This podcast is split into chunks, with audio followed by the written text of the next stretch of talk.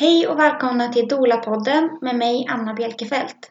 Idag ska vi prata med Amanda som har fött två barn och andra födseln ska vi fokusera lite mer på idag. Även om första födseln faktiskt också är väldigt viktig att nämna just eftersom de blev väldigt olika och eftersom vi också varit inne på att prata om ämnet obstetriskt våld. Andra födseln i alla fall handlar om att föda med dola, i vatten och med hjälp utav hypnobirth.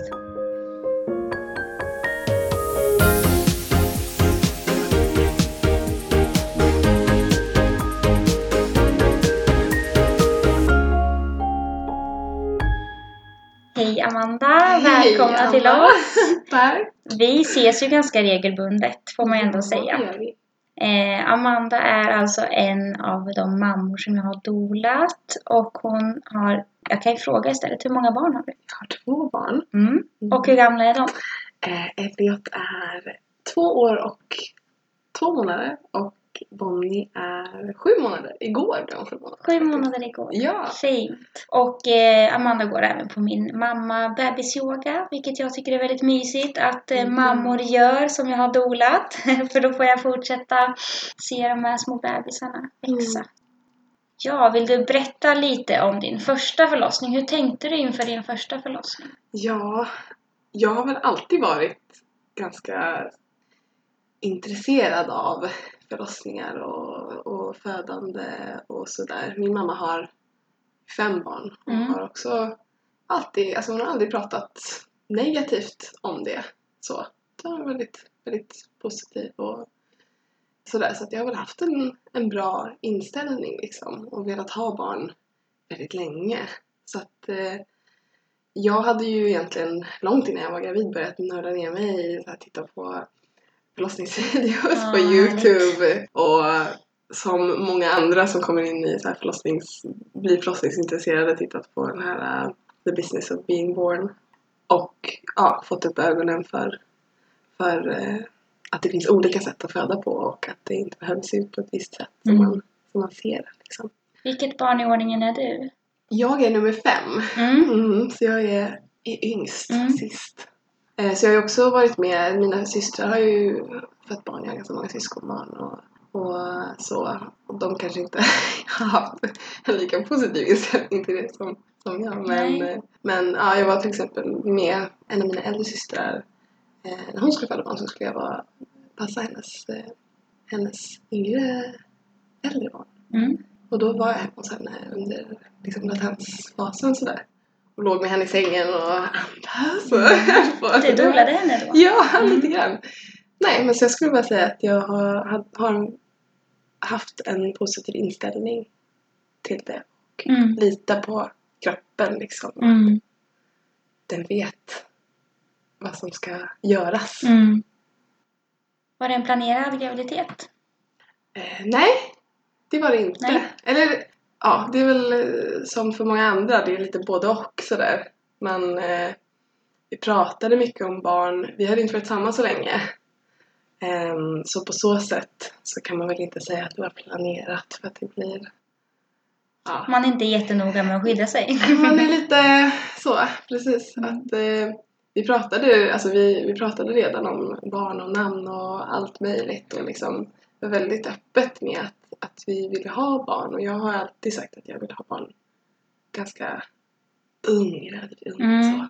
Men eh, nej, så att eh, vi tog det som det kom lite grann. Det blev en, en hoppsan bebis. Mm. Och hur började förlossningen? Den började, oj jag hade förverkar länge, länge. Det var någon, ja, två veckor kanske som det liksom var, ja, ganska mycket sådär på kvällarna och så. Ehm, och jag var ju så himla peppad på att det skulle komma igång så jag höll ju på att sitta på så pilatesboll och, och sånt där på kvällarna och gjorde massa squats och, och så här, försökte. Kom igen! Ah, kom nu då! Ehm, Men var det flera gånger som du tänkte så här, ah, men nu blir det nog idag? Eller Nej, nu? alltså jag vet inte om jag tänkte det eller om jag bara så här för att jag hade hört så mycket liksom att det är så ofta som man skulle tänka att åh nu händer det, nu händer det säkert. Men så att jag medvetet tänkte att så här, nej det kommer inte bli något. Fast sen vet man inte om man har det här liksom, som ligger bakom som bara såhär Jo, men man hoppas. Men jag, jag var ändå väldigt så här. Nej, jag var ganska säker på att jag skulle gå över tiden. Mm. Det var bara en känsla Mm. tror jag som jag hade. Gjorde du det? Ja, ehm, fem dagar brukar jag säga. Hon är född på, på B1 plus 6 men Mm. hon är född kvart över 12. Blev fem dagar. Mm. Men det var inte så farligt. Jag hade graviditetsdepression. Så att jag hade haft en väldigt lång, jobbig graviditet. Så på något sätt var det sådär... Lite på slutet så blev det den här att jag istället bara liksom... I surrender typ. Alltså, Mm. Man bara såhär, ja ah, okej, nu... Och vissa dagar så kändes det som, nej det kommer ingen bebis. Och vissa dagar så, ja ah, men det går bra. Det... Jag försökte vara liksom, "Ja, hon kommer när hon kommer. Men jag höll också på med sån här nattljusolja och, Mm. och försökte med ja, diverse övningar. Det var inte så att jag sprang i trappor och höll på. Nej. Men jag liksom, ja, Lite huskurer. huskurer. Mm. Precis. Snälla grejer. Mm. så. Mm. Och hur, liksom, när visste du att det var igång? Ja, jag hade mycket, väldigt mycket förverkare precis dagarna innan sådär så att det var liksom hela dagen att det kom och gick och, och sådär. Så var jag då hos min barnmorska på måndagen eller tisdagen och det är BF plus två tror jag eller något sånt där blir det. Eh, gjorde en hinsvepning. Och eh, sen så gick vi hem och hade lite trevligt. Mm. punkt, punkt, punkt. Punkt, punkt, punkt. Eh, eller vi gjorde det på morgonen till och med, kan det Mm. ha varit. Så. Och då vet jag att efter det så, så stod jag, jag kommer verkligen så specifikt ihåg, typ att jag stod i hallen, jag skulle köra in Oskar till jobbet. Oskar min sambo. Och så stod jag i, i hallen och så fick jag en värk där jag var tvungen att så här, hålla i mig lite i, Mm. i, i spegeln. Typ. Så här, jag stod liksom och, så, och då vet jag att jag tänkte typ att här, "Men det där var lite annorlunda. Mm. Så att det kändes liksom bara, men jag ja, avfärdade det lite men jag ändå så här uppmärksammade att det kändes lite annorlunda på något Mm. vis. Men du skjutsade honom till jobbet i alla fall? Jag skjutsade honom till Mm. jobbet, precis. Ehm, och det här var i mars och jag, vad jag minns så snöade det också. Jag jobbade i Ingestam i Odenplan. Så jag släppte av honom där och så satt jag kvar i bilen och ja, hade lite, lite verkar som kändes liksom ganska så här eh, regelbundet. Ehm, det var typ det var ganska långt emellan. Jag tror det var en var 20 minut eller något sånt där. Mm. Men det var ändå liksom en var 20 minut. Mm. Så då bestämde jag mig för att jag skulle gå runt eh, Vasastan. Mm. Så jag hoppade ur bilen i snövädret och så, och så promenerade jag bara runt där. Och, bara för att liksom, jag tänkte att ah, jag ska hålla igång det på Mm. något vis. Som att man kan bestämma sig Mm. typ. Nu, nu ska jag hålla igång det här. Ja, och så satte jag mig i bilen och så fortsatte det liksom och, och hålla på så. Och sen tror jag att det blev typ en verk var tionde minut och sen en verk var femte minut och så ja, jag satt där i bilen för att se vad som hände liksom. Han skulle ju jobba. Men så bestämde jag mig för att köra hem. Jag kunde vila och sådär. Så åkte jag till McDonalds och köpte chokladmunkar, alltså chokladmunkar från McDonalds. Det var Mm. min så här last under hela, hela graviditeten. Mm. Och så eh, åkte jag hem och la mig på soffan och tittade på film. Och sen så bara helt plötsligt så bara stannade det helt. Och så somnade jag. Och så sov jag typ någon timme. Och då var det liksom helt borta. Mm. Bara. Puff. Och sen så eh, då åkte jag hem till min syster på kvällen och käkade middag med mina föräldrar och henne och deras familj. Och Och då då- hade du inga känningar Då eller? kom det igång igen sen. Mm. Mm. Men det, var, det hade liksom stannat av. Men så kom det igång igen, lite mer. Så körde jag iväg och hämtade upp Oskar eh, från tunnelbanan i Broaplan. Och, så, och då var det liksom igen sådär typ var tionde minut någonting. Mm. Och så åkte vi hem och så, ja, och då, då höll det liksom i sig. Mm. Jag satt på soffan och åt lite mat och kollade på Moana. Och bara, ja, och sen så, så märkte jag liksom att det, det fortsatte. Då fick, eh, sa jag, Ja, nej, då bestämde jag mig för att vi skulle städa. Mm. Just var rent när du kom hem med bebisen. Ja, så jag, alltså, jag blev helt sådär manisk. Du vet. Jag satt på badrumsgolvet och typ skrubbade med en liten tandborste. Här, Mm. skrubbade I fogarna. i duschen. Så här, klockan eh, två på natten typ. Bara. Alltså igenkänning på den måste jag säga. För det gör jag ibland. Jag, jag tycker att det är tråkigt att titta på TV på kvällen. Då kan jag göra sånt Ja, ja. ibland. Mm. Det är, jag tycker också det. När man har lite så här extra energi. Ja. Jag borde ju ha typ vilat men eh, nej, jag ville verkligen. Jag var ganska besatt av att det skulle vara rent. Mm. när eh, vi kom hem med henne. Det var Mm. någon sån här grej som jag hade liksom, så jag städade frenetiskt hela slutet av graviditeten för att jag ville vara 100% säker på att det var rent hemma. För att du skulle slippa göra det när du kom hem eller för Nej, men- att det var så här smuts och Ah, typ bakterier? som att det inte var okej, att jag, inte bakterier men att jag typ inte ville att det skulle vara så här damm och Nej. jag ville verkligen att det skulle vara rent Mm. och så här. Jag gillar när det är städat i Mm. vanliga fall också men jag ville verkligen liksom att det skulle vara fint. Ska visa upp sitt hem för bebisen. Det är ändå väldigt fint. Typ att vi skulle komma hem med henne och liksom så här, åh. Så kan man, att man skulle kunna bara så här sätta sig på soffan och veta att allting var i ordning typ. Ja. Man Så. kan slappna av ännu mer. Ja, liksom. lite grann. Precis, nej, så jag städade och duschade och så här, ja. Satte upp, alltså jag hade liksom planerat att jag skulle sätta upp håret för att jag inte skulle få det i ögonen. Mm. så, så, så här, kammade bak håret, satte upp en knut och här, sprayade massa hårspray och Mm. ja, du vet. Jag hade ett hårband som jag hade köpt för att Mm. jag skulle få bort det. Ja, sådana där grejer. Kolla igenom väskan lite grann. Och sen tror jag, jag tror Oskar gick och la sig någon gång, eller jag sa åt honom att gå och lägga sig någon gång vid, kan ha varit typ tre eller något sånt där. Och så väckte jag honom vid sex på morgonen för då kände jag att jag behövde Då hade du varit vaken hela natten. sällskap.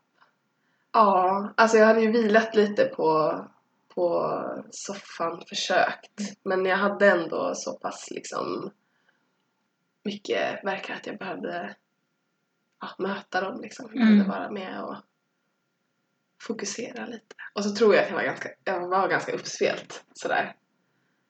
Absolut. Och när du väckte Oskar, vad var hans reaktion? Nej, det var mer bara sådär, han var ju med på att det, att det var på gång när han gick och la sig så det var mer liksom att ja, nu vill jag att du kommer upp för jag behöver sällskap och, Mm. och sådär. Och så skulle ju min mamma vara med också Mm. så att eh, då ringde vi till henne eh, och sa att liksom, ja, nu börjar det hända grejer. Jag tror, jag vet inte om vi ringde henne kanske vid åtta eller något sånt där. Och så, då var hon på väg till jobbet så då vände hon och, och kom till oss. Och då hade de köpt med sig lite mackor och sådär. Ehm, Hur gick tankarna när ni bestämde att din mamma skulle vara med? det var...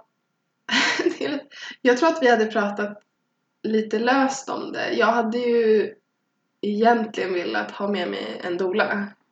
Men då kände vi inte... Jag tror inte att vi kände att det var nödvändigt på samma sätt utan det var mer så här en önskan jag hade och då kändes det liksom inte riktigt ekonomiskt hållbart tror jag att ha det.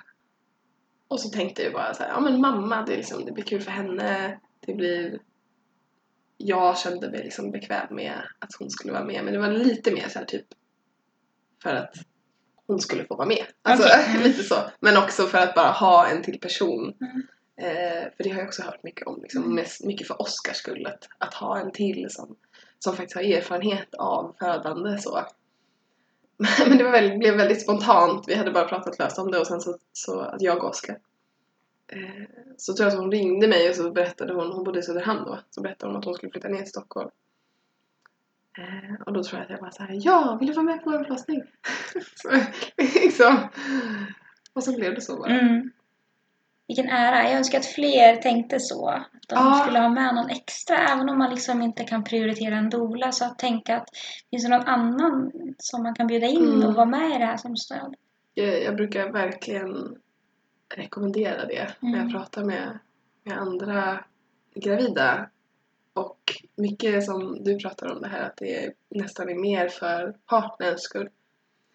För jag tror, jag vet inte, den som föder, även om det är en ny situation så kanske man känner sig själv ändå lite mer. Men partnern, alltså det är ju svårt att stå bredvid. Mm. Jag tror att man underskattar liksom, de, vilka, vad- hur det kommer kännas. Mm. Ja, för när jag har dolat ensamma mammor så har jag verkligen tänkt så här. Om jag inte haft någon bredviddoula med så har jag verkligen tänkt men oj, är det så här tufft att vara Ja. ensam med en födande? Mm. Och det är ju de allra flesta. Det är ju Mm. bara kvinnan och hennes partner. Och just första gången också, Mm. nu är det väl en, en generalisering kanske att det, att det tar längre tid första gången. Men, Mm. men Man kan ändå se det överlag. Ja, precis. Att, att det är ju oftast många timmar som Mm. man... Och då är man också först hemma tillsammans. Mm. Nej, så det var skönt att ha en till person Mm. av den anledningen. Och när hon kom då, hur var verkarna då? Ja, det var nog en sådär tre, fyra minuter kanske emellan, Mm. tror jag. Eh, jag klockade inte eller höll på så, utan jag bara liksom hängde med. Jag stod lutad mot en byrå för det mesta och så hade jag liksom platsbollen under så att jag kunde sätta mig ibland och så stod jag ibland och, och sådär. Och då hade vi nog ringt också och flaggat på förlossningen liksom att vi var på gång men, men jag ville fortfarande vara, vara hemma ett tag och så. Men jag vet att sen började mamma klocka mina verkar. Så hon satt liksom i bakgrunden. Hon sa ingenting till mig men hon gjorde det. Ändå. Buse. Mm. Smyg verktajmare. Så- Så då tror jag att hon sa sen liksom att ja men nu är det liksom ja, typ tre på tio minuter eller Mm. två minuter emellan eller något sådär. Att det var ganska tätt liksom. Så hon sa, ja men jag tycker att det ska ringa liksom och åka in och jag hade nog kunnat vara hemma ganska mycket längre Mm. baserat på vad jag vet nu. Men det Mm. vet, vet man inte riktigt Nej. då. Det är svårt att... Men kunde du känna av att hon var lite så här orolig att ni var hemma eller liksom? Ja, alltså jag tror att mamma är tryggare med liksom vård. eh, För det kanske ska tilläggas också att jag är ju inte jättebekväm på sjukhus och, och sånt. Och det ja, kommer från eh, att jag har legat på sjukhus flera gånger på grund av allergi, allergiska reaktioner och sånt. Så jag har eh, mycket lite sådär panikartade erfarenheter kopplat till det. Så därför så, så känner jag mig inte så bekväm. Men mamma är lite tvärtom nästan. Hon är liksom lite sådär, hon har stor tillit till, tror jag, till, eh, till medicin och så. Alltså till liksom, ja, till vården på det sättet liksom, att det känns Mm. tryggt, tror jag. Ja, så hon var lite mer pushig. Och jag tror att anledningen till att jag typ kände, ja men vi åker in var att jag ville väldigt gärna bada. Mm. Och vi hade inget badkar. Och jag visste att det fanns det där. Så att det var så här, ah, nej men jag vill verkligen bada nu. Så därför så, så åkte vi in. Mm. Det här är roligt för att man vet hur det blev andra gången. Ja. Men eh, nej, så det var så här, nu, nu vill jag bada. Nu åker vi till förlossningen. Så då gjorde vi det. Vi Mm. var väl vid tio tror jag, Mm. som vi åkte in. Och hur var bemötandet där eh, när ni kom in? Mm, ja, men det var, det var bra. Jag, både när vi ringde och, och när vi kom in. Jag hade, det stod i min journal också att jag var, inte förlossningsrädd, men att jag var liksom sjukhus, sjukhusrädd. Så, Mm. typ, så att eh, väldigt sådär, ja jag ska få komma in när jag vill komma in och liksom sådana saker. Så vi fick ju ett rum på en gång. Mm. Jag behövde inte liksom gå till någon sån här förundersökningsrum eller så, Nej. utan vi fick komma in på det rummet och så när vi kom dit så sa de också här ska ni vara liksom. Det var ingen så här fråga alls. Så. Hon som tog emot oss var jätte ja, lugn och snäll och, och sådär. Och undersökte mig när jag kom in. Och då så sa hon ah, du, du var två centimeter öppen men jag tryckte lite på kanterna så nu är du tre centimeter. Så, Mm. sådär. så det är jättebra liksom. Mm. Du, du slappnade av så himla bra så jag, jag kunde putta på lite. Och då kändes det bara positivt. Mm. Så. Eh, Jag tänkte liksom inte så mycket på det. Utan det var så här, ja, men vad, vad skönt. Jag kände mig bara peppad av att, att hon Mm. sa åh vad bra, du slappnar Mm. av så bra och liksom sådär. Har du tänkt på något eh, kring det i efterhand? Ja, egentligen är det mer sånt som, som hände senare i förloppet. Mm. Just den här grejen, det som jag tänker på är egentligen att jag vet ju att hon bara ville hjälpa mig. Att hon tyckte att liksom, Mm. hon gjorde det för att, för att hon ville peppa mig och hjälpa mig. Men att egentligen ändå så är det ju en konstig sak att göra utan att be om någon form av tillåtelse eller Absolut. fråga. Mm. hon hade ju faktiskt kunnat säga att så här känns det, jag skulle kunna göra så här. Eller Ja. liksom, vill du det? Eller så. Mm. Man kan ju alltid bara, ska väl alltid bara be om medgivande. Mm. Så. Men, eh, men då tänkte jag inte så mycket på det. Nej. Utan då var jag fortfarande i det här lite euforiska stadiet av liksom att jag äntligen skulle få föda barn. Mm. Det var bara kul och, och häftigt och än så länge inte särskilt smärtsamt. Så då var jag bara så, jag vill bada nu. Mm. Låt mig bada. Jag tror också att jag frågade så in i det sista typ om så här, får man föda i vattnet? Mm. Liksom, jag hade skrivit det tror jag i min, eh, mitt förlossningsfredagsbrev. Om man får föda i vattnet. Mm. Men, Vad hade du svarat på det då? nej, det Nej. var, var ett strict no. Ja. De har ju också bara ett sånt delat badkar där i ett sånt separat rum.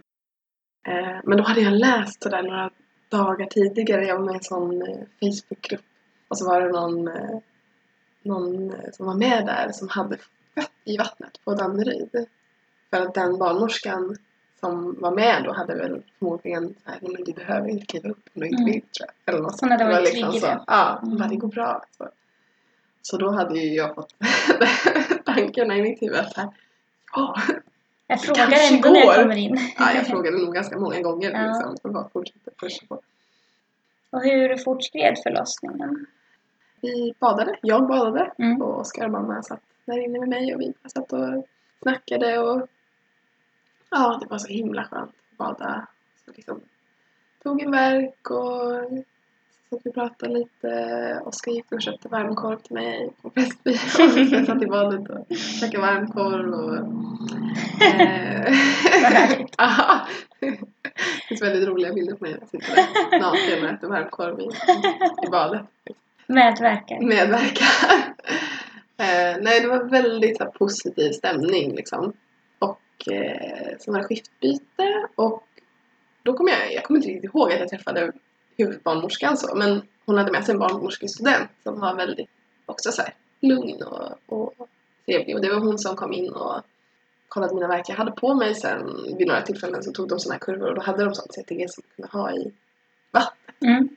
men ja, jag vet att de nämnde några gånger liksom att ja, men dina, du har så effektiva verk. Eller sådär att det, det var som ja, det verkar inte som att de är så, att de är så starka liksom. Så tänkte inte jag så mycket på det. Liksom, ja, okej. Och hur upplevde du dem då? Inte smärtsamma Nej. så. Jag, det ska tilläggas att jag har haft sådär väldigt jobbig mensvärk Mm. sen jag var 14. Så att jag har fått lära mig att hantera den smärtan. Det är ju, även om det skiljer sig så är det ju samma typ av smärta om man har som väldigt, väldigt ont. Liksom. Men man kan använda sig av samma teknik kan man säga. Mm. För att av med det. Man måste vara avslappnad och man måste andas och liksom. Jag vet att det bara blir värre om man, om man spänner sig. För det jag tänker när de sa att "Ja, men dina verkar inte så starka, baserade de det på CTG då eller på undersökningar? Jag tror att de baserade på CTG och Mm. tror, jag tror att de tyckte nog att jag var ganska... Att, Du var som för lugn. Jag var lite för lugn. Mm. för, alltså, lite så. Som Mm. att det var så här, jag var lite för nöjd för att Mm. det skulle vara... I aktivt arbete. Alltså. Ja. För CTG visar egentligen inte hur starka verkarna är. Nej, Så det är därför man tänker, ofta behöver man göra en undersökning och känna hur mycket tryck är i verken. precis. Men ändå kan man ju inte säga hur mamman upplever det. Nej, precis. Och man kan inte mäta, när man ser att liksom verken går upp i siffror på CTG så betyder inte det att oj men över 100 nu är det fruktansvärt mycket. Nej, Och 50 det är såhär, nja, inte så mycket liksom. Nej. Så att, Intressant. Ja, det, det, det är väldigt intressant. eh, Mm. Återkommande tema Ja, under förlossningen. Ja, men, eh, vi pratar ju ganska mycket med det också med våra klienter att eh, om någon kommer in och pratar med kvinnan så att dina verkar är lite svaga, då blir ju hennes Mm. verkar just svaga. Mm. Ja, det är väldigt lätt att bli, bli påverkad av de människorna runt omkring sig. Och jag är också så att jag väldigt lätt påverkad av liksom andra människors sinnesstämning. Jag tar liksom upp det väldigt, väldigt lätt. Så känner verkligen stämningen i, i ett rum. Mm. Och när man föder så är alla de sinnena ännu mer förstärkta. Precis. Så att, eh, ja, men då, jag tror att jag tänkte, mm, just då tänkte jag nog mest att ja, det, kommer, det, det betyder att det kommer göra mer ont snart. Alltså det var liksom det jag tänkte sådär, det kommer Mm. säkert bli värre. Men jag försökte ändå att vara i nuet. Så att inte liksom fokusera för mycket på att här, det kommer bli mer smärtsamt. Utan var mer såhär, ja, vi jobbar på här liksom. Mm. Jag har öppnat med tre centimeter. Jag var liksom Mm. nöjd. Så. Eh, men sen blev det ett eh, lite abrupt avbrott. Jag har väldigt dålig koll på klockan, tiderna Mm. och sånt där. Men jag tror att jag tror att jag blev undersökt vid 12 och att jag satt På i badet dagen? i tre timmar. Ja, precis. Mm. Det var då vi kom in och jag blev undersökt. Jag satt i badet i tre timmar ungefär. Och då kom den här barnmorskan in och sa så nu måste du hoppa upp, nu ska vi gå och undersöka dig. Det var väldigt sådär liksom tydligt så jag tänkte väl inte att det fanns något alternativ till det. Nej. Utan det var bara såhär, jaha, ja ja, okej, då gör vi det. Mm. Så då fick jag hoppa upp. Du hade gärna varit kvar i vattnet. Jag hade gärna varit kvar i vattnet. Verkligen.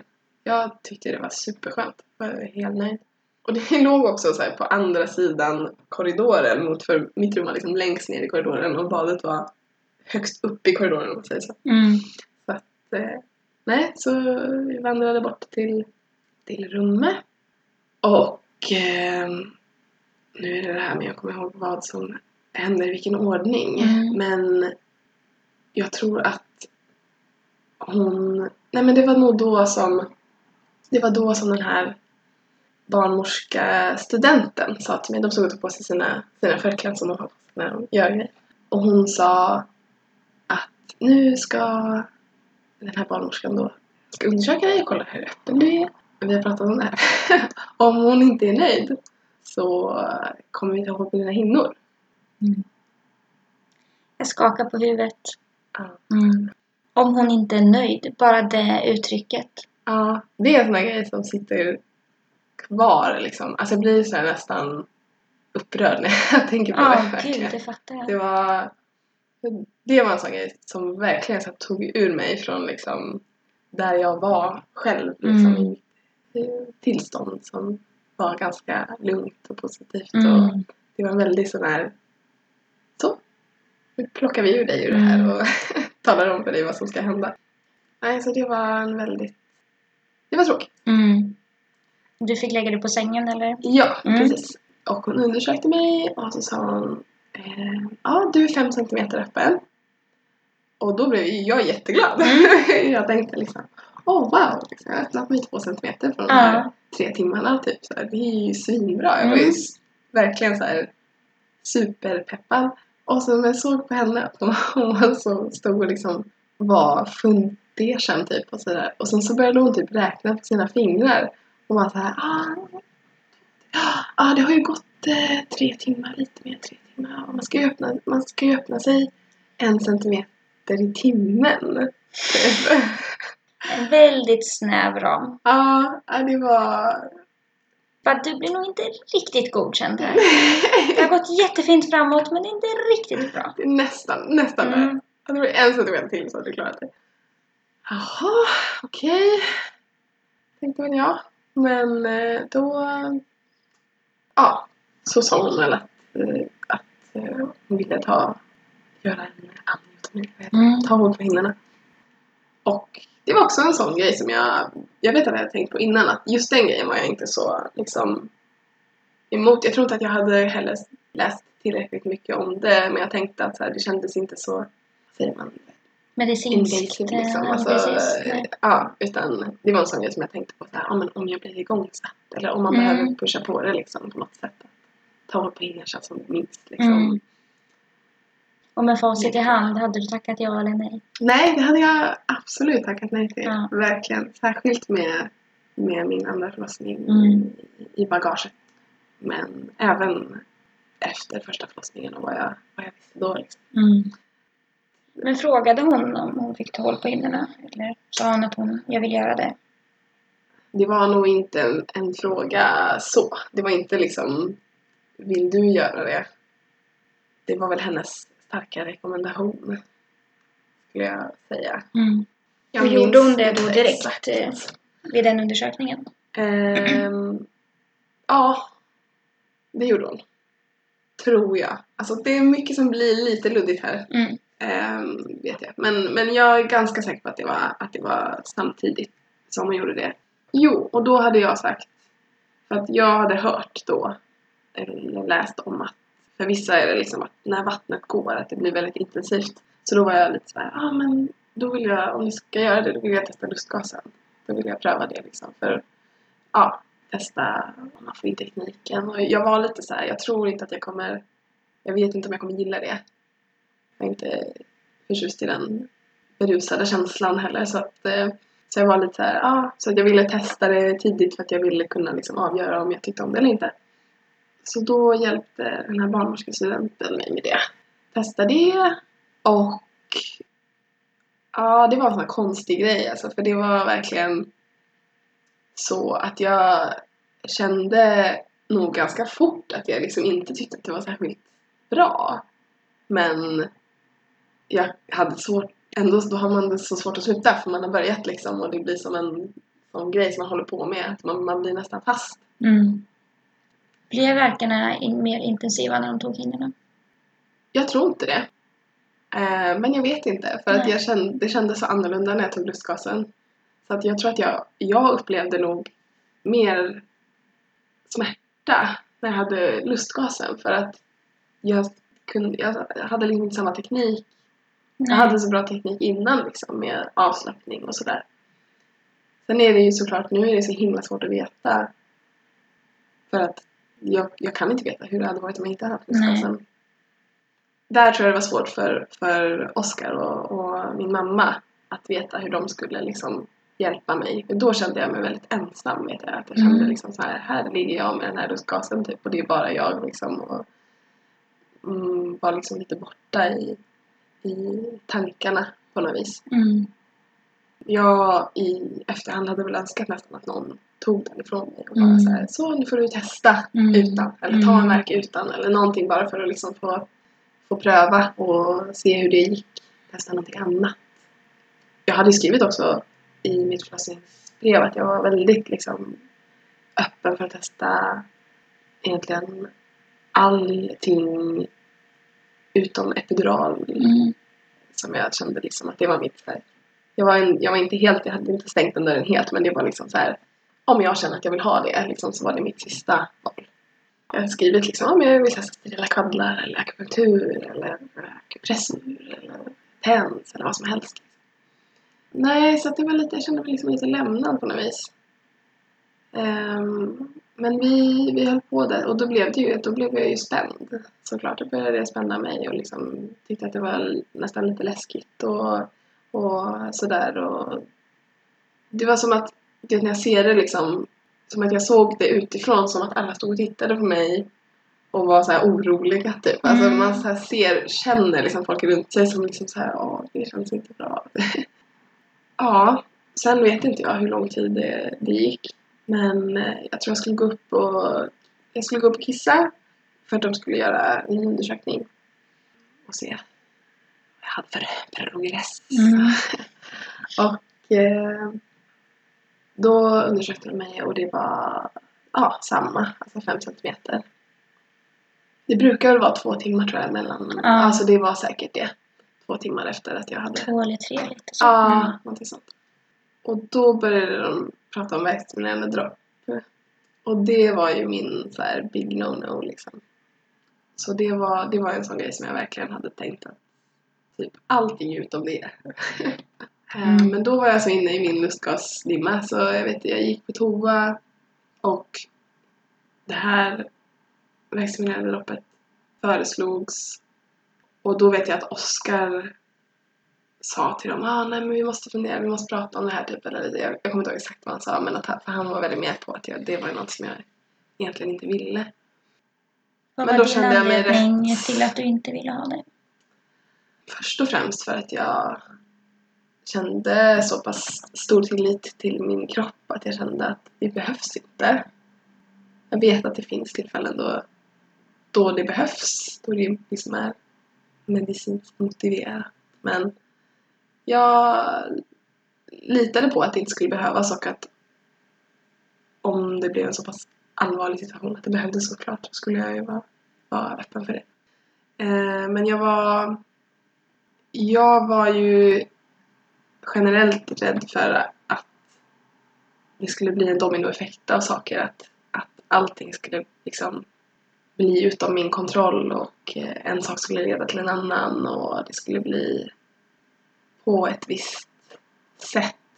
Det blir nästan, upplever jag det som, en liksom utstakad väg typ när man börjar med, med verkstimulerande dropp eller när man börjar När man peta i sånt som inte behöver petas Mm. i liksom. Det, det finns ju såklart tillfällen då man behöver göra det. Men det var inte så för mig. Nej.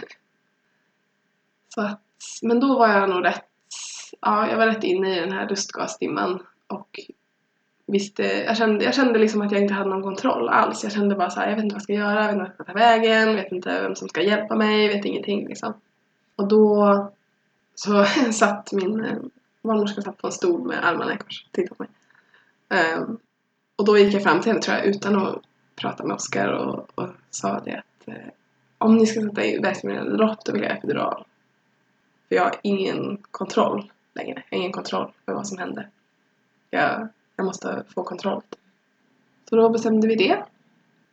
Jag kommer ihåg när de skulle sätta epiduralen också att det kändes som att det kom in typ så här hur mycket folk som helst. Mm. Jag låg på sängen, jag låg på sidan sådär. Och det är också en sån här stund som jag, som jag upplever liksom i mitt huvud som att det var så här panik. Typ. Du vet, Som Mm. att alla bara var så här. Jag hade panik, som att jag hade jätte, jätteont. Typ, fast det inte var så. Det var Eh, rädslan på något Ja, sätt. jag var, det var liksom... Ja, det var lite läskig upplevelse då. Mm. Och eh, då frågade jag liksom, ah, men hur lång tid kommer det ta innan det, innan det känns? Hur lång tid kommer det ta? Eh, ja, men 20 minuter kanske. Så kommer det liksom ha full effekt. Så. Mm, och det fick det ju. Och det var skönt på så sätt att, att jag fick tillbaka kontrollen över mitt huvud i alla fall. Men jag tror att det var skönast för Oskar. För det, jag förstod inte hur jobbigt det var för honom innan jag hade den här lustgasen liksom. Men när jag hade fått epiduralen och jag liksom han har beskrivit det som att jag liksom kom tillbaka. Du vet, som Mm. att jag var bara inne i någon himla dimma och sen helt plötsligt så kom jag ur det. Mm. Och då, han bröt ihop då kommer jag ihåg. Han Mm. bara började gråta och var liksom jätte... Och han bara sa, det var som att jag var liksom i en helt annan, Mm. i en annan värld, typ så här helt okontaktbar. Så då, ja, han hade ett litet eh, emotionellt eh, meltdown. Mm. Och vad hände när du fick epiduralen? Kunde du vila något eller hur fortsatte det? Ah, jag tror att jag... De undersökte nog mig igen sen. Och det var samma sak, det var 5 centimeter. Och då ville jag liksom... Eller jag var uppe och rörde på mig tror jag först. För de hade satt droppet då samtidigt som epiduralen? De sa Mm. mm. droppet och epiduralen. För man skulle ju, jag tror de ville att man skulle testa att gå och sådär. Eh, och, gå och kissa. De ville jag skulle testa kissa. Mm. Eh, vilket inte gick. men, eh, men jag var uppe och, och skulle testa att kissa och, och sådär. Så, nej men så då var jag uppe liksom en stund och gick runt och, och sådär. Och sen var det ganska snart skulle det vara skiftbyte, tror jag. Eh, Så då gjorde den här barnmorskan en ny undersökning och sa då, ja ah, det, nej, det var barnmorskestudenten som skulle få göra en undersökning. För det var också en sån grej, det var ju många grejer som var dubbelt när, hon var där. Ja, just det. Jag kan också känna att det, det kanske inte var den bästa idén. Men eh, ja, hon undersökte och hon sa ah, men jag tycker att det känns som liksom fem. Jag tycker det känns Hon stod och pratade då med den här barnmorskan. Ja, ja men får jag undersöka liksom. Så undersökte hon. Nu kommer inte jag ihåg. Det här var nog då när hon tryckte på någon punkt. Jag vet inte om det är de här taggarna eller är det någonting hon var väldigt hårdhänt. Väldigt hårdhänt. Det här kan ha varit då, det kan också ha varit vid en tidigare un- undersökning. Jag, jag kommer inte ihåg exakt. Men det gjorde väldigt ont. Att jag nästan sparkade henne i ansiktet. Mm. Det var sådär, jag var inte med på att det skulle hända. Liksom. Nej. Det var väldigt, det är ett väldigt smärtsamt minne. Liksom. Nej men så hon, eh, barnmorskan, hon höll kvar sina fingrar och sa ah, men jag vill bara, jag vill känna lite bara medan du, medans du får en verk, känna hur dina verkar känns. Liksom. Så, jag, så jag håller kvar här lite tag så kan du ta några verkar och så se hur det känns. Ja, så gjorde jag det. Det var inte inget konstigt. Eh, och sen så bad hon då den här barnmorskestudenten att, att undersöka en gång till. En tredje gång. Mm. Tredje gång. Eh, så ja ah, men test, testa känna nu, se om, hur, hur det känns nu liksom. Då kände hon och bara, liksom, såg väldigt sådär fundersam ut. Och ja men jag, det känns inte, jag vet inte om jag, det, det känns som att, liksom, som att det är öppet, fullt, fullt öppet liksom. Känner inga kanter, tror jag att hon sa. Och va? ja, nej men jag kunde liksom, eh, nu hjälpte jag dig lite här, jag kunde liksom, eh, ja, trycka på lite här på, på kanterna under, under verkarna. Så nu är du 10 cm öppen. Typ. och jag var liksom... Jag tror att...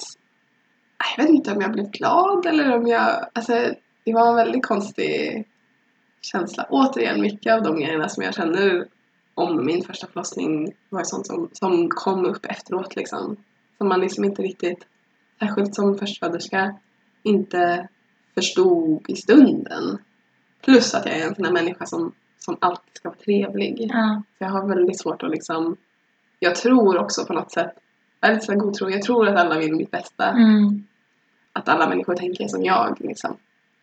Så ja, nej men så jag var såhär, ja, ja men då tänkte väl jag liksom att säga, ja men då kommer de snart. Då. Alltså så. Men jag tror hon sa, ja men huvudet måste liksom sjunka ner en bit fortfarande och sådär men det är liksom, ja. Så, så att nu får du upp och, och röra på dig, bra om du är uppe och rör på dig liksom. Så jag hoppade upp och bara, ah, vad, vad härligt typ och gick runt och, och höll på. De tog fram någon sån här liten tror jag satt, och, satt på huk ganska mycket. Och då var det skiftbyte. kommer ihåg. Och då hade vi satt på lite, satt på lite så här skön musik i bakgrunden. Och det var, då var det lite så här positiv stämning igen. Liksom. Det kändes som att, ja ah, men peppigt. Kommer du ihåg om de fyllde på epiduralen ofta? Ja, de gjorde det. En, jag tror det var en gång i timmen Ja. eller, eller sådär. För det var, ja, det gjorde de. Och höjde droppet successivt eller? Ja, Mm. det gjorde de också. Precis, jag vet att de höjde droppet väldigt mycket på slutet typ Mm. under krystfasen sådär. Så jag, jag har inte så bra koll på hur det var under själva förloppet. Så, men eh, då var det skiftbyte och då kom det in ett nytt team och de gjorde den här överlämningen och berättade om allting och så. Och jag gillade på en gång den här nya barnmorskan som kom in och undersköterskan. Jag kände liksom så väldigt positiv. Hon var väldigt sådär mjuk och Mm. pratade liksom mycket om, om allting som hon gjorde. Eh, och de var väldigt åh mysigt ni har här inne, åh musik och liksom. Och jag satt ju verkligen alltså på huk på huk i en deep squat Mm. liksom bredvid sängen och bara så här. Nu ska du ner här liksom. Mm. Sjunk. Eh, så de gick och hämtade någon sån här eh, liten eh, typ gymnastikmadrass. Mm. Sånt som man har typ på gympan när man gick i skolan. Det är typ min favorit Mm. liksom, del av förlossningen, eller favoritredskap att använda. Ja, det var väldigt... De brukar inte vara framme alltid, så Nej. jag brukar så här, fråga efter de här gymnastikmadrasserna. För det är, sängarna är ganska smala och ganska hårda. Och man kan vara rädd att ramla ner. Mm. Men madrassen kan man liksom vara på golvet. Ja, det var jätteskönt. Och då, olika de sänkte liksom... De bara, "Ah, men jag har samma madrass, jag hämtar den liksom. Och så la de den bredvid sängen och så sänkte de ner sängen så jag kunde liksom också luta mig mot och hålla i mig Mm. i sängen för att jag ändå kunde stå på golvet på Mm. den här madrassen. Och, Stå på knä och så. ja, så vi, vi höll på där liksom ett tag. Och de gick ut och sen så vet jag att jag började få liksom den här trycket. Att jag kände liksom att ja, det, det tryckte på liksom bakåt och Mm. neråt och kändes som jag behövde gå på toa. Och då ringde jag liksom och, på klockan och frågade så här, ah, men jag börjar känna lite så här liksom. Och det ju så svårt också för att på grund av epiduralen liksom, så, så vet man inte hur mycket det känns Nej. på något vis. Man känner ju det här trycket liksom. Men av erfarenhet och så nu så vet jag ju att det kan ju komma väldigt långt innan det faktiskt Ja. är dags att börja krysta. Så.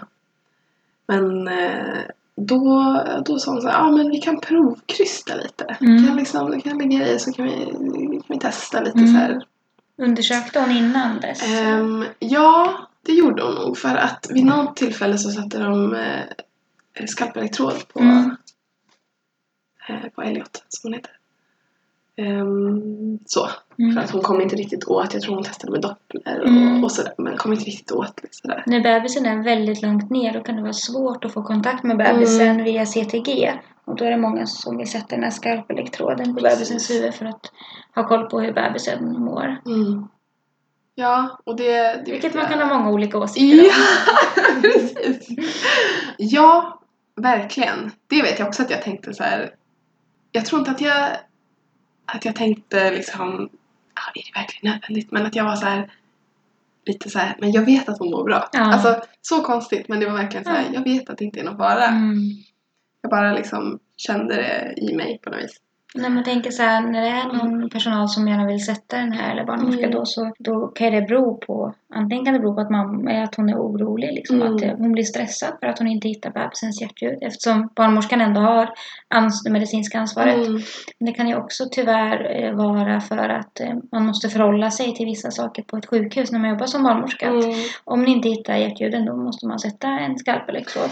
Ja, Även om barnmorskan kanske personligen inte hade velat göra det. precis. Men är, hon, är den här första anledningen att hon är stressad så är det ju tyvärr någonting som också kan spela över på kvinnan. Ja, och jag tror att jag också kände att, att det var lite en sån här grej som jag kände inte då att det spelade så stor roll. Nej. Tänkte, det var mer som att jag sa, "Ah, ja men om det känns bra för dig. Ja. Så. Jag vill inte ha någon som står här och är stressad Nej, över att de inte precis. liksom vet, känner, kan se hjärtljuden. Mm. Och sen tänker jag att det är väl också det här med i kombination med droppet liksom. Ja. Att man ska ha koll då när man ökar droppet. Precis. Att, att det liksom, Bebisen klarar det. precis. Så att, ja, det kändes väl kändes väl okej. Mm. Det var lite såhär, ja ja, det, ja okej. Jag vill det. Mm. Eh, och sen så skulle jag få provkrysta lite och då började vi med att Vilken ställning var det då? det här är väldigt intressant också för det, vi hade ju en fotograf med också. Mm. Eh, som, hon satt utanför och väntade och hon ville vara med på själva krystfasen så hon kom in då också. Då stod jag, de eh, fällde upp ryggstödet, hissade upp ryggstödet så att jag stod liksom med armarna över ryggstödet, rumpan mot barnmorskan Mm. på knä. Mm. Och då var jag väldigt fokuserad. Jag stod, det var liksom en klocka där ovanför sängen som jag stod och tittade på. Och det var liksom från den här stunden så var det som att typ alla andra bara liksom försvann. Mm. Typ. Då hade de inte fyllt på epiduralen heller så då hade den varit liksom ur ett tag. För Mm. bara, ah, men det, du måste känna så mycket som möjligt nu. Liksom. Det är bra om du känner. Och ingen Mer. lustgas? Eh, ingen lustgas, nej. Eh, nej, det ville jag inte ha för jag ville inte vara borta under den tiden. Liksom, utan jag ville känna att jag kan eh, fokusera mer. Och ja, då fick jag ju aktivt eh, trycka på liksom. Försöka krysta med i verkarna. Och det vet jag att jag tyckte var lite svårt för att jag inte riktigt kände inte att jag förstod riktigt hur jag skulle göra. Jag hade svårt att bara, jag tror det var svårt att bara så följa med. Särskilt i början. Men det var ändå ganska snabbt som jag liksom kom till det här stadiet av att så här, nu tar det liksom över.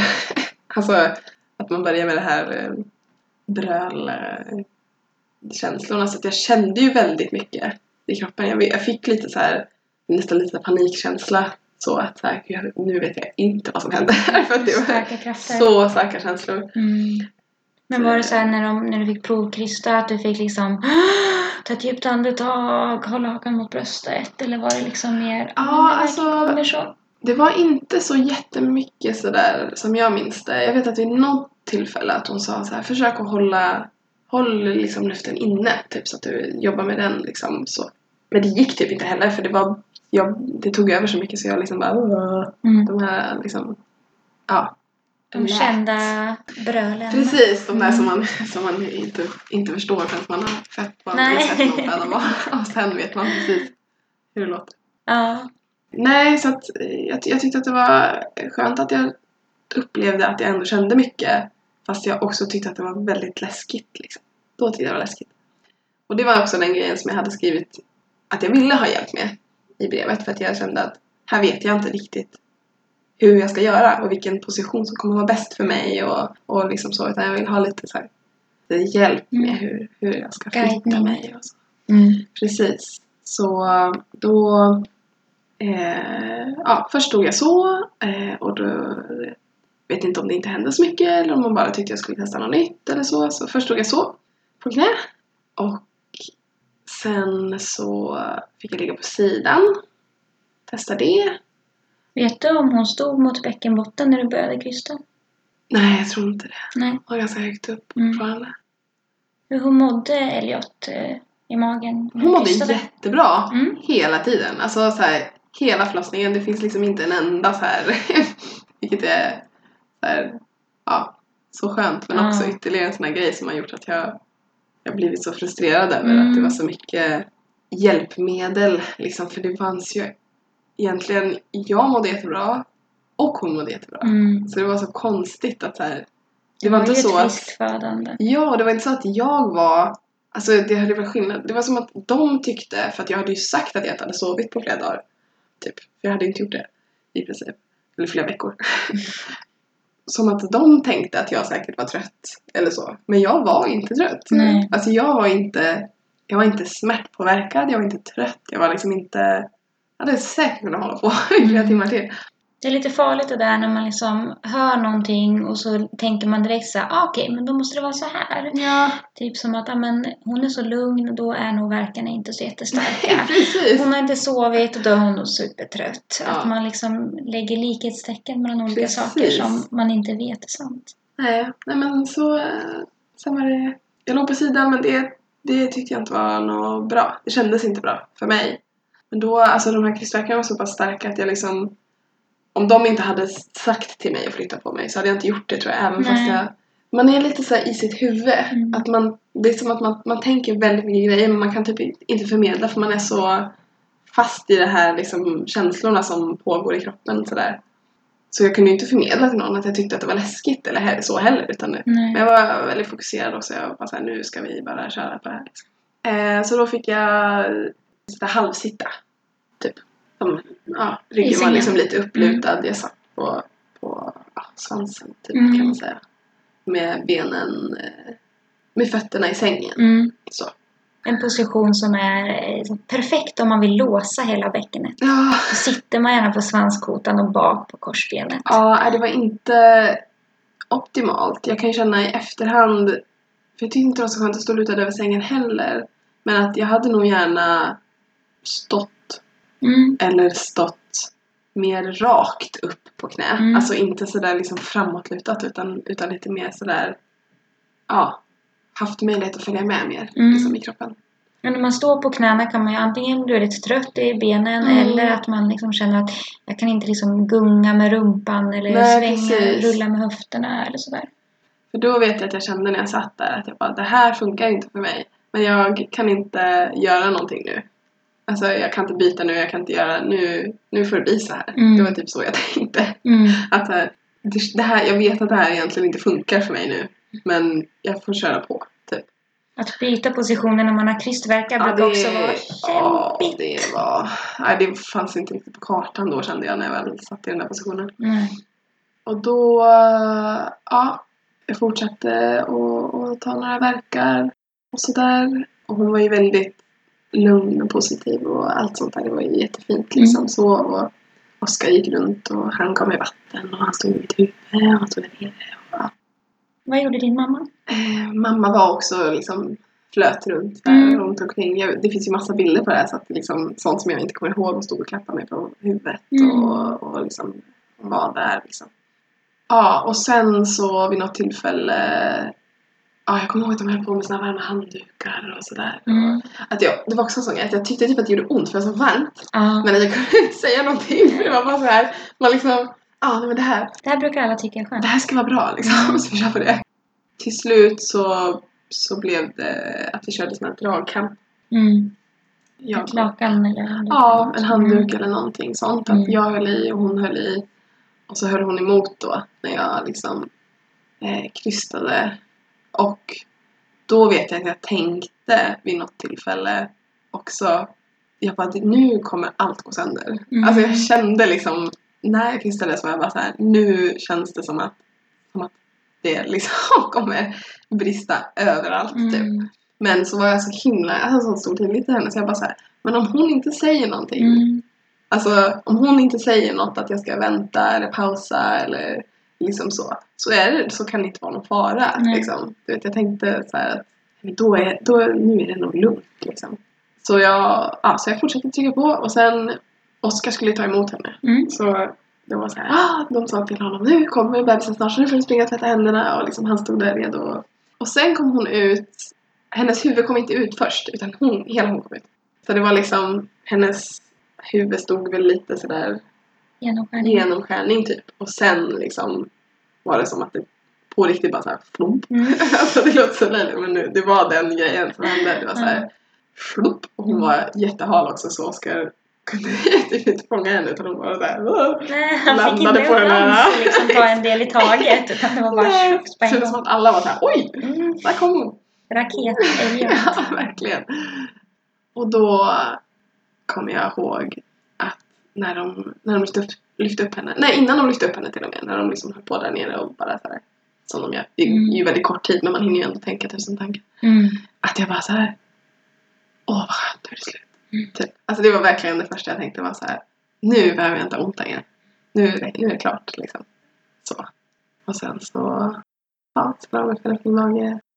Och ganska fort lämnade oss i fred för vi hade bett om att, att få, vara, få vara själva första timmen. Så. Och att moderkakan skulle få vara den kom dock ut väldigt fort så hon Mm. la den i en liten påse och ställde den bredvid oss. Mm. Också hon gjorde väldigt mycket, hon hade verkligen läst vårt förlossningsbrev. Mm. Hon gjorde väldigt mycket bara per automatik och behövde liksom inte be om något så. Och eh, Elliot fick krypa upp själv till bröstet. Mm. Och det var, det var en, en otroligt fin stund som jag verkligen önskar att andra skulle få Mm. och be om. Men just att, att få en liten paus sådär precis när man har kommit ut. Att man inte gör alla de här grejerna på en gång om man inte måste. För att eh, det var väldigt lugnt. Vi fick liksom en stund att, att verkligen så här landa lite och förstå vad som hade hänt. Innan de började undersöka och, och sy och sådär. Kommer du ihåg känslan när du fick upp henne på bröstet? Eller magen? Mm, jag kommer ihåg när de höll upp henne Mm. först. För att hon, hon skrek typ två gånger och sen så bara så här stirrade hon liksom. Alltså hon hade sådana ögon bara så här. Och det kommer jag ihåg väldigt tydligt liksom. Och sen så kommer jag ihåg hur det kändes i huden. Att hon var så här blöt Mm. och kall. Nästan lite kall. Blött kallt hår. Alltså jag kan känna hur det känns när hon liksom ligger där. Och så här. Ja. När hon hade kommit upp så fastnade hon Mm. typ lite i min armbåge. Mm. Så hon låg så här sig med sin, hon hade väldigt mycket hår. Så det var så blött hår som liksom Och hur var det här efteråt då när de skulle sy då? Mm. Det var egentligen, då blev det blev väldigt, då blev det väldigt jobbigt. Hon, eh, barnmorskan undersökte mig och eh, ja, nej men, berättade hur det såg ut och vad jag hade för bristningar och sånt där. Och så sa hon då att det var någon bristning som sivar, alltså att det rinner lite blod tror jag från. Och jag hade också, de upplevde att jag hade blöd, blödde ganska mycket. Men de var kvar på rummet här eller? När Mm. moderkakan hade kommit ut gick de ut eller? Jag tror att, jag kommer inte ihåg om de gick ut eller om hon bara stod en bit bort Mm. vid datorn och sådär antecknade typ. Mm. Någon var nog där inne. Jag, kan, jag minns inte exakt. Och eh, ja precis. Och då var hon lite såhär, ja, eh, mm, det kan vara så att det är någon, någon annan behöver sy det här. Liksom. Att det, och då var jag lite såhär, jag vet att, för det var en sån här grej som jag var väldigt orolig för. Inte att jag skulle behöva sövas eller äh, hela den grejen, utan att jag ville verkligen inte vara borta från, från Elliot. Alltså det hade jag tänkt på innan. Att så här, det var nog min största så här, jag vill inte att vi ska behöva vara ifrån varandra. Jag vill inte ligga på något annat rum, jag vill inte liksom, hon måste följa med. Så då var liksom lite såhär, ah, det kanske kommer behövas på operation liksom och då trodde jag att jag skulle vara så här, nej nej nej jag vill inte det. Men att jag var så himla trött då så jag var bara så här, åh vad skönt, då kanske de söver så får jag sova lite. Mm. Mm. Det var min tanke då. Ja, men vi ska, vi ska ta in eh, läkare så får, får de titta. Och då kom det in Först tror jag att det kom in en, en eh, barnmorska, en, en eh, mer senior barnmorska som hjälpte till att titta. Och då, du vet, några lampor och de stod och så här. Det är så märklig situation. Man så här tänder ja. jättemycket och så ska man ligga med de här benstöden. Man förstår ju varför de vill göra det och det är klart men det är så märklig situation. Ja, så här, de gräver i ens underliv och säger så här, ja där ser jag den och där ser jag, om vi sätter ihop här. Och så typ ligger det en bebis på ens Ja. mage också som man liksom så här, jaha. Eh, som jag också hade väldigt svårt att koncentrera mig på då. Mm. För de lämnar väl bebisen medvetet där för att man ska fokusera på det. Men, eh, men jag tyckte det var svårt. Och sen så fick jag, började jag må illa. Få så blodtrycks, fick blodtrycksfall. Eller ja, lågt blodtryck. Jag började få, egentligen så började jag få lite panik. Då. För jag tyckte att det var väldigt obehagligt. Det, var, det kom in mer folk sen för de tog in två läkare. Alla de här, det stod alltså fyra personer nere vid mitt underliv och bara så här. Och jag tror det var liksom när den fjärde läkaren som kom bara så här, "Ah, jag ska bara stoppa in ett finger här i din rumpa och känna efter. Och jag bara så här, då bara började jag gråta och liksom, oj förlåt gjorde jag illa dig liksom. Jag var bara såhär nej nej det här, det här är för mycket liksom. Det är för mycket som hände. Också att jag kan komma ihåg ändå att jag fortsatte vara så här trevlig liksom fast jag tyckte att det var så jobbigt. Men jag sa också att jag tyckte att det var väldigt jobbigt. Ehm, och den här barnmorskan som var med när hon föddes fram, hon kom upp hon stod liksom uppe vid mitt huvud och, och sådär prata med mig. Men det blev så mycket då för att eftersom att jag mådde dåligt så var det här liksom och jag sa jag kan inte hålla Elliot längre, jag kan inte du måste ta henne, du måste ta henne, du måste ta henne. Liksom. Så Oskar fick, tog henne då till slut. För de var väldigt såhär, nej men ha kvar henne. Jag bara, nej det går inte, jag kommer tappa henne. Hon kommer liksom.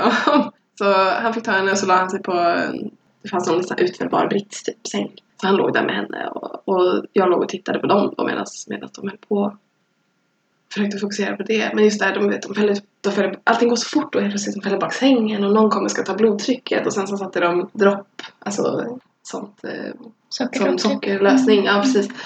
Ehm, och sådana där grejer. Och jag var ju så himla hungrig också. Det var liksom inte smärtsamt själva sådär när de bedövade, när de sydde, allt det där. Det var ingenting sånt som gjorde ont eller så. Utan det var mer den här De kunde göra det på rummet. Ja, de kunde göra det på rummet. Men det var väldigt svåråtkomligt så de fick liksom hjälpas åt. Så det var ju alltså tre personer som stod där och liksom en höll på med Lysa, en typ höll upp Mm. och en sydde tror jag. Mm. Vilket jag tror både då och i efterhand att jag, men särskilt i efterhand att jag tänkte såhär, men gud hade det inte varit bättre om ni hade bara kört iväg mig istället? Så jag hade sluppit den här liksom jobbiga erfarenheten som Mm. det blev. För då var det, det var väldigt mycket folk, det var en känsla av stress men det var just den här, äh, den här utlämnade till, utlämnade till vården känslan som jag var rädd för, eller den som jag har svårt för sedan tidigare som liksom infann sig. Men de, de sydde och det, det blev klart och sen då när det var klart så bara så gick ju alla. Och det kommer jag ihåg att jag var bara så här. Och de var så här, ah, så, så får du vänta lite här och sen så kommer de komma, så kommer ni få den här brickan och, och sen kommer de flytta upp er till rummet och så och så blir det bra så typ. Och så, så kommer jag ihåg när de gick att jag bara så här, men va? Jag har ju typ nästan dött nu. Mm. Alltså så här, va? Nej, så jag var väldigt så här, jaha, ska det vara så här? Är det så här det känns? Alltså är det här normalt? Typ att man känner så här. Men så kom de sen med den här brickan och jag var ju jättehungrig och allt sånt där så det var så här, ja, det var, det var bra. Och sen så rullades, rullades vi upp. Vi fick ligga på, på avdelningen där, där man ligger för planerat kejsarsnitt och sånt för att jag äter mediciner så de ville ha koll på liksom med andningen och sånt där. Det var jätteskönt för vi hade ju så här, folk hade superkoll på oss. Mm. Men så blev vi inkörda, var upptaget, alla rum var upptagna, så vi blev inkörda i någon sån här liten, liten skrubb. För jag vet att jag tänkte när vi var nere på förlossningen, ja ah, men nu ska vi i alla fall få komma upp och liksom sova tillsammans och så. Men då var det, jag fick ligga kvar i den här sängen som jag låg i på förlossningen. Inte själva förlossningssängen, men de flyttade ju över mig till någonstans som de rullade iväg.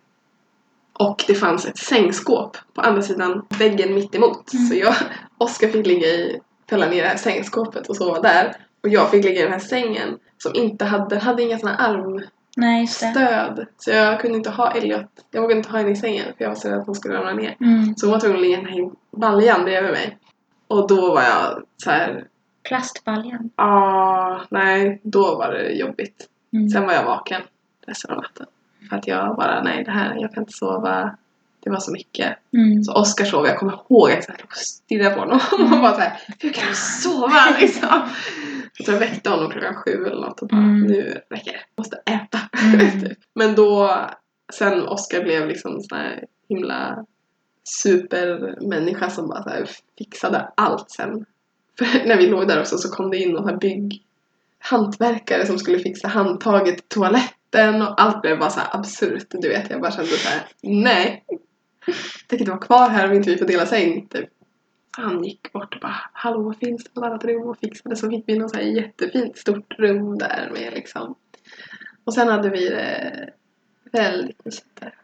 Det var jättefina dagar och jättefin personal och så. Och jag, men jag var jättetraumatiserad. Jag kunde inte sova. Jag fick sådana här smärtminnen eh, liksom. När jag höll på att somna så fick jag så här... Alltså det kändes... Det är konstigt men det kändes liksom som ett övergrepp typ. Alltså jag kände som... Jag kunde känna de här grejerna när hon undersökte mig och, och så. Den här barnmorskan som vi hade under största delen av förlossningen. Att det kändes som att någon hade gjort det här mot mig liksom. Och Mm det var väldigt jobbigt. Så jag fick ju sen tabletter till slut för att jag skulle Mm. få sova. Fick Oskar koppmata Elliot. Hur länge var ni kvar? Vi det i fyra dagar. Mm. Och hur mådde du sen, liksom, den här fjärde trimestern? Ja, nej men jag hade mycket, jag var väldigt slut, väldigt svag i kroppen och sådär. Jag var inte alls rädd på att det skulle vara så jobbigt för att man ser ju bara alla mammor som typ så här går ut efter en eller två veckor så kan de liksom, eller några dagar, så går de typ på promenad med sin vagn och går till mataffären eller något. Och du vet, jag trodde liksom att man skulle kunna göra det, alltså rent fysiskt att man skulle orka det. Så att jag var ju så här, jag försökte ju med de här grejerna. Jag var så här, jag kan inte göra det här. Jag kände mig helt liksom, jag kunde gå typ halvvägs till, till mataffären och sen var jag liksom helt, helt förstörd. Mm. Men man ser ju inte de här mammorna som inte går till mataffären. Nej, precis. Men också att jag upplevde att vårdpersonalen typ nästan blev lite förvånade när jag sa hur ont jag hade. Alltså när vi var på förlossningen och innan vi skulle åka hem så var jag liksom Jag var redo psykiskt att åka hem. Jag ville vara hemma. Men jag var så här, men jag har ju så ont. Vad ska jag göra liksom? Jag kommer inte kunna, vad ska jag ta för värktabletter liksom? Ska jag... Det var liksom såhär, men har du så? Alltså du vet som att det nästan Mm. som att Det det, var konstigt. Mm. Ja, och då kände jag så här, nej men det måste ju vara jag. Eller du vet, det måste Mm. vara något Vad var, satt smärtan? Ehm, jag hade jätteont i svanskotan, jag kunde sitta upp. Och i stygnen såklart hade jag väldigt ont. Eh, men, men just det, ja, jag kunde inte sitta... För jag kunde ju sätta mig så att jag belastade liksom inte på stygnen. Jag kunde ändå inte sitta för det gjorde så ont i ryggen. Jag kunde inte sitta så här bakåtlutad. Jag ville ligga amma. Och jag hade en sån panik bara över att ens... Jag bara, jag kommer inte kunna åka hem, jag kommer inte kunna sitta i taxin. typ. Mm. Nej, så det var där. Men sen också i magen. Jag hade jätteont högt upp i magen som liksom på sidan. Så att jag fick nästan som så här hållkänslor när jag gick. Som satt i väldigt länge. Ja, nej men så jag, jag var inte förberedd på, på det. Att det här, eh, jag hade ju, jag har ju ganska lågt blodtryck generellt. Jag har alltid haft det väldigt lång och, och smart så det blir av den anledningen. Men när jag fortsatte ha liksom så att jag kände mig lite svimmig och så. Jag ställde mig upp och sånt. Så det är en sån grej som jag vet att jag, att jag pratar med folk om nu för tiden. Alltså som är gravida. Att här, det kan vara rätt tungt efteråt och att liksom ta det lugnt. Typ. Mm. Vara hemma i sängen. Mm. Det är inte meningen att man ska hålla på liksom. Ja, gör som du känner i kroppen men liksom tänk inte på vad alla andra håller på med. Nej, Om man är precis. jättepigg så är det klart att då kan man gå ut och promenera men om Mm. man inte är det. Att Man kanske inte ska förvänta sig att man kan göra det efter några dagar Nej. eller några veckor ens. Men också att här, ta vara på din bebis istället. Mm. Alltså, ligg och sov. Det är Mm. ganska, kan vara ganska tråkigt men liksom, Mm. Det är också fint att få bara vara Mm, istället. Och ta hand om sig. Hur har du tänkt kring den här förlossningen i efterhand? Ja, det har varit, det tog lång tid att, att smälta och liksom acceptera. Vi fick ju prata med en kurator innan vi gick hem från förlossningen. Så det, det tog lång tid att, vad säger man, come to terms. Mm. Alltså med att det, var, att det var så det blev. För det, jag kände som att någon hade begått ett övergrepp mot mig. Liksom.